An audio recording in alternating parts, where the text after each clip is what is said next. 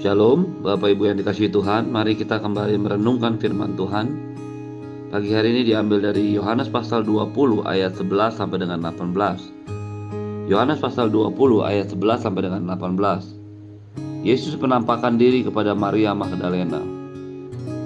Tetapi Maria berdiri dekat kubur itu dan menangis. Sambil menangis ia menjenguk ke dalam kubur itu.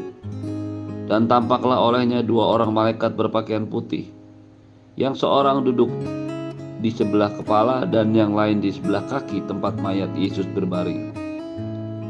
Kata malaikat-malaikat itu kepadanya, "Ibu, mengapa engkau menangis?" Jawab Maria kepada mereka, "Tuhanku telah diambil orang dan aku tidak tahu di mana ia diletakkan." Sesudah berkata demikian, dia menoleh ke belakang dan melihat Yesus berdiri di situ, tetapi ia tidak tahu bahwa itu adalah Yesus. Kata Yesus kepadanya, "Ibu, Mengapa engkau menangis? Siapakah yang kau cari?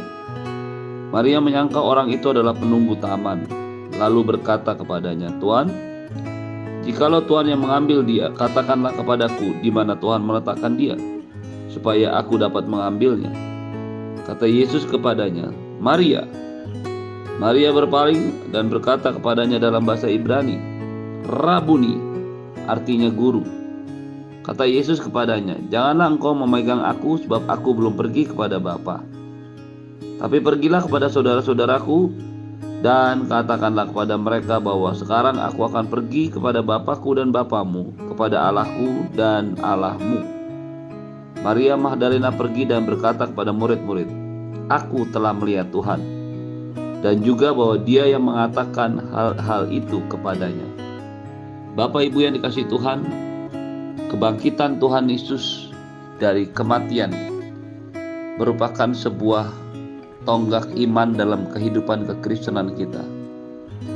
Sesuatu yang tidak mudah untuk dimengerti, dipahami oleh nalar pikiran manusia. Karena yang melakukannya tentu saja adalah Tuhan sendiri. Kebangkitannya merupakan sebuah hal yang bagi kita yang setelah membaca firman Tuhan menjadi lebih mudah untuk dimengerti dibandingkan dengan mereka yang mengalaminya pada saat peristiwa kebangkitan itu terjadi. Sehingga kita harus mengerti reaksi-reaksi yang timbul yang dialami oleh orang-orang yang mengalami langsung peristiwa kebangkitan itu. Kita bisa membacanya dan kita bisa merenungkannya menurut kebenaran firman Tuhan paralel lainnya. Pagi ini kita melihat satu hal yang sangat luar biasa, dari peristiwa kebangkitan Tuhan Yesus. Di ayat-ayat sebelumnya kita baca kemarin, kita renungkan kemarin bagaimana Maria Magdalena pagi-pagi sudah berangkat ke kuburan untuk meminyaki, merempahi mayat atau jenazah Yesus. Tetapi dia menemukan kubur batu yang menutupi kubur Yesus sudah berpindah tempat dan itu sebabnya dia memanggil murid-murid yang lain Petrus dan Yohanes pergi berlari, dan mereka memang masuk ke dalam kubur dan menemukan bahwa di dalam kubur sudah tidak ada lagi jenazah atau mayat Yesus. Hanya tersisa kain peluh yang tergulung rapi dan juga kain kafan.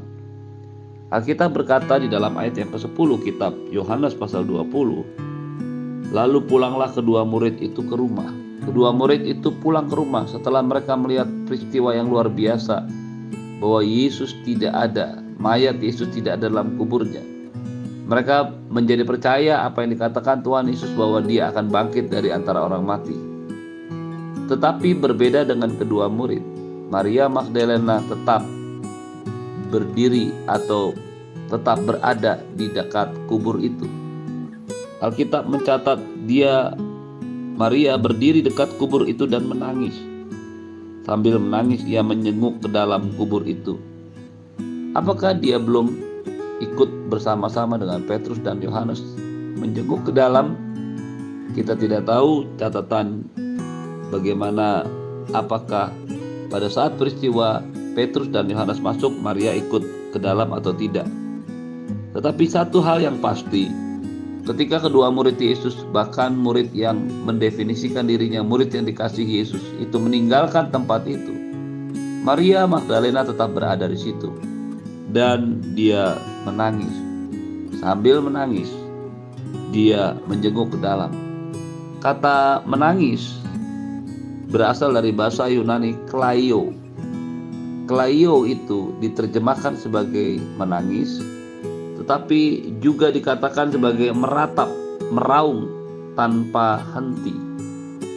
Kata klaio itu adalah imperfect tense yang berbicara tentang tindakan-tindakan terus-menerus yang terjadi sebelumnya.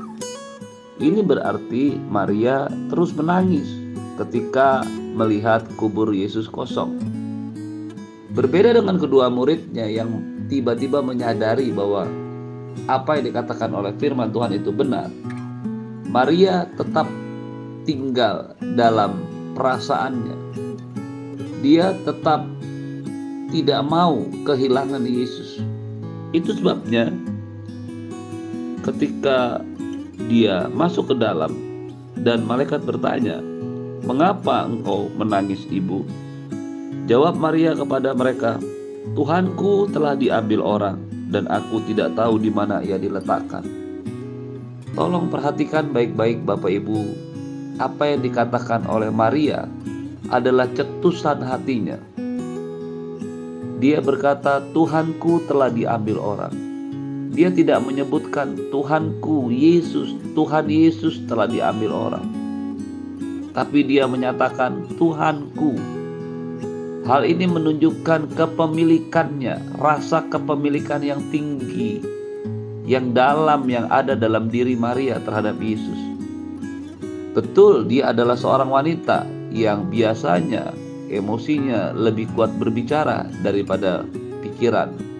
Tetapi apa yang dituliskan oleh Alkitab di sini menggambarkan sebuah hubungan yang sangat dalam, sebuah relasi yang sangat sangat akrab dan intim antara Maria Magdalena dengan Tuhan Yesus. Tidak boleh dan tidak pernah ditafsirkan sebagai sebuah keintiman jasmani tentunya. Apa yang dikatakan oleh Maria Magdalena itu begitu membekas dalam hati saya pagi hari ini. Dia berkata, "Tuhanku." Dia begitu akrab, dia begitu punya rasa memiliki, dia begitu kehilangan. Hubungannya dengan Tuhan Yesus adalah hubungan yang sangat intim, yang sangat erat dalam artian dia sangat mengasihi Yesus. Tidak ada satu orang pun yang menyaksikan cinta atau kasih murid-murid Yesus kepada gurunya. Kasih Yohanes kepada gurunya.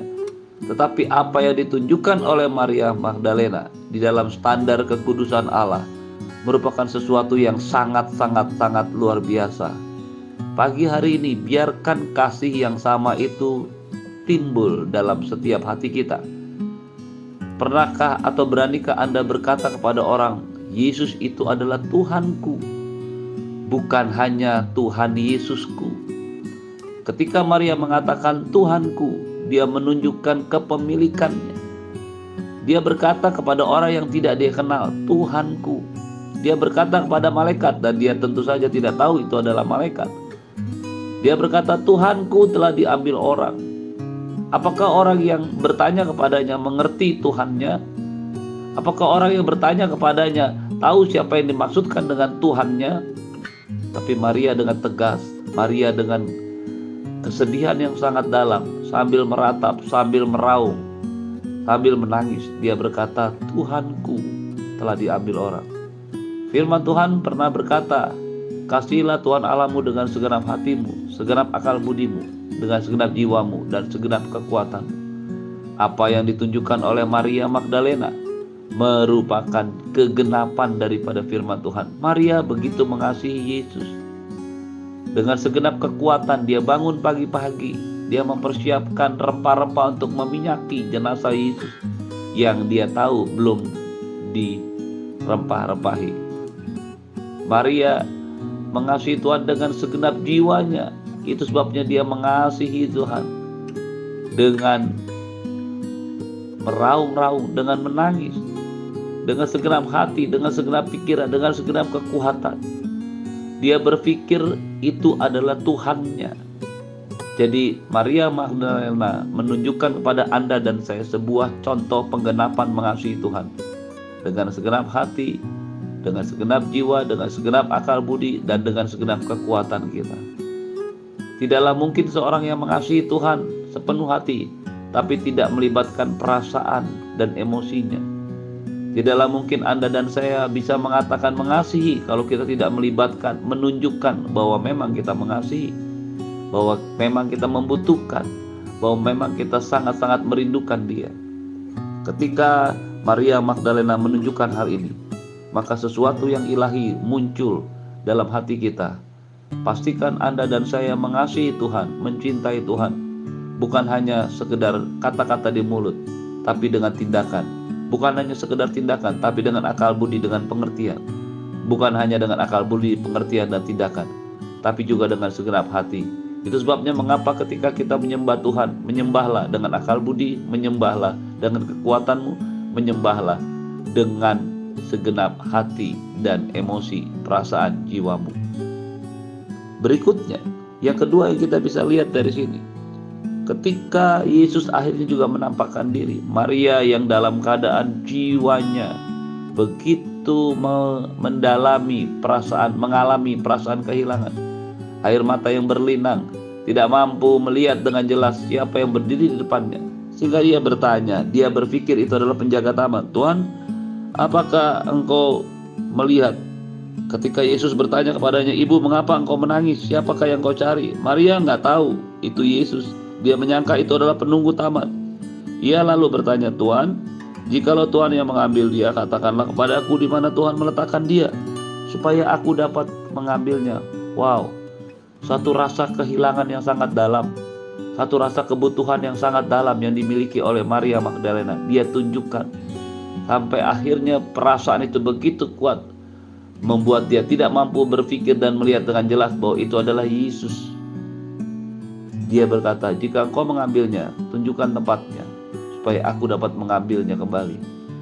Berapa banyak Anda dan saya yang hari ini memiliki perasaan yang sama terhadap Yesus seperti perasaan yang sama yang dimiliki oleh Maria Magdalena. Pernahkah Anda berasa begitu kehilangan Yesus? Ketika Anda dan saya mungkin sedikit menjauh, sedikit terlena dengan kesibukan kita, baik bisnis, pekerjaan, rumah tangga, maupun pelayanan. Pernahkah rasa memiliki itu, rasa kehilangan itu muncul dalam hati kita begitu kuat, sehingga kita rela meninggalkan segala-galanya lalu mencari dia dengan segenap hati. Ketika akhirnya Yesus melihat apa yang ada dalam diri Maria, saya yakin dan percaya dia tidak tahan, lalu dia memanggil Maria dan berkata, Maria. Maria berpaling dan berkata kepadanya dalam bahasa Ibrani, Rabuni artinya guru. Kata Rabuni sebenarnya merupakan akar kata daripada bahasa Aramaik, Rabone. Apa yang dikatakan Maria? Mengapa Maria dapat mengenali itu adalah Yesus? Adalah ketika dia mendengar Yesus memanggil namanya Maria. Sebuah panggilan yang khas, yang khusus yang hanya diberikan, yang hanya diucapkan oleh Tuhan Yesus kepada Maria. Dan itulah yang membuat Maria mengerti bahwa itu adalah Yesus. Bapak Ibu Saudara yang dikasih Tuhan pagi hari ini, yang kedua yang bisa Anda lakukan dan saya lakukan untuk sebuah perenungan adalah pernahkah Anda mendengar Tuhan memanggilmu dan engkau tahu itu adalah Tuhan? Begitu Maria mendengar kata Maria yang diucapkan oleh Yesus, dan dia tahu itu adalah Yesus. Dari mana dia tahu? Karena hanya Yesus yang mengatakan. Dari mana ia tahu? Karena dia memiliki kedalaman keintiman dengan Tuhan. Kata-kata yang sama yang akan ditanyakan, diucapkan oleh Tuhan kepada Anda dan saya menjadi sebuah hal yang mutlak dan wajib adalah Anda dan saya mampu mendengarkan suara Tuhan, mampu mengenali suaranya. Yesus berkata, "Janganlah engkau memegang aku, Sebenarnya dalam bahasa aslinya, bukan janganlah engkau memegang aku, tetapi janganlah engkau bergantung kepadaku. Janganlah terus bergantung kepadaku. Rupanya begitu Maria dipanggil oleh Yesus, dia langsung meletakkan tangannya, dia langsung me, menggantungkan dirinya kepada Yesus karena begitu rindunya, begitu senangnya dan begitu sukacitanya. Maria bukan tidak boleh menyentuh Yesus, karena tidak berapa lama kemudian Yesus pun menampakkan diri pada murid-muridnya dalam perjalanan menuju Emmaus menampakkan diri ketika mereka melakukan perjamuan kudus, bahkan menunjukkan kepada Thomas tangannya yang berlubang. Kata jangan memegang aku bukan berarti Maria tidak boleh memegang Yesus, tetapi dalam bahasa aslinya ini adalah sebuah kata yang berkata yang lebih tepat diterjemahkan, berhentilah terus bergantung kepadaku. Karena ini adalah present middle imperatif dengan negatif partikel yang berarti menghentikan satu tindakan yang telah ada dalam proses. Rupanya Maria telah menyambarnya. Maria telah berpegang kepada Tuhan. Maria terus bergayut kepada Tuhan dan Yesus tidak mau itu terjadi. Dia mau Maria pergi memberitahukan itu kepada teman-temannya, kepada saudara-saudaranya. Pagi hari ini, biarlah kerinduan, kehausan hati yang sama yang ada dalam diri Maria itu juga menjadi kehausan dan kerinduan yang sama kita kepada Tuhan. Keintiman kita akan Tuhan membuat hubungan kita dengan Tuhan akan terasa menjadi sangat akrab, dekat, dan erat. Terimalah berkat yang berlimpah dari Bapa di surga, cinta kasih dari Tuhan Yesus, penyertaan yang sempurna daripada Roh Kudus, menyertai hidupmu hari ini dan sampai selama-lamanya. Dalam nama Yesus semua yang percaya katakan, amin. Selalu selamat pagi, Tuhan Yesus berkati.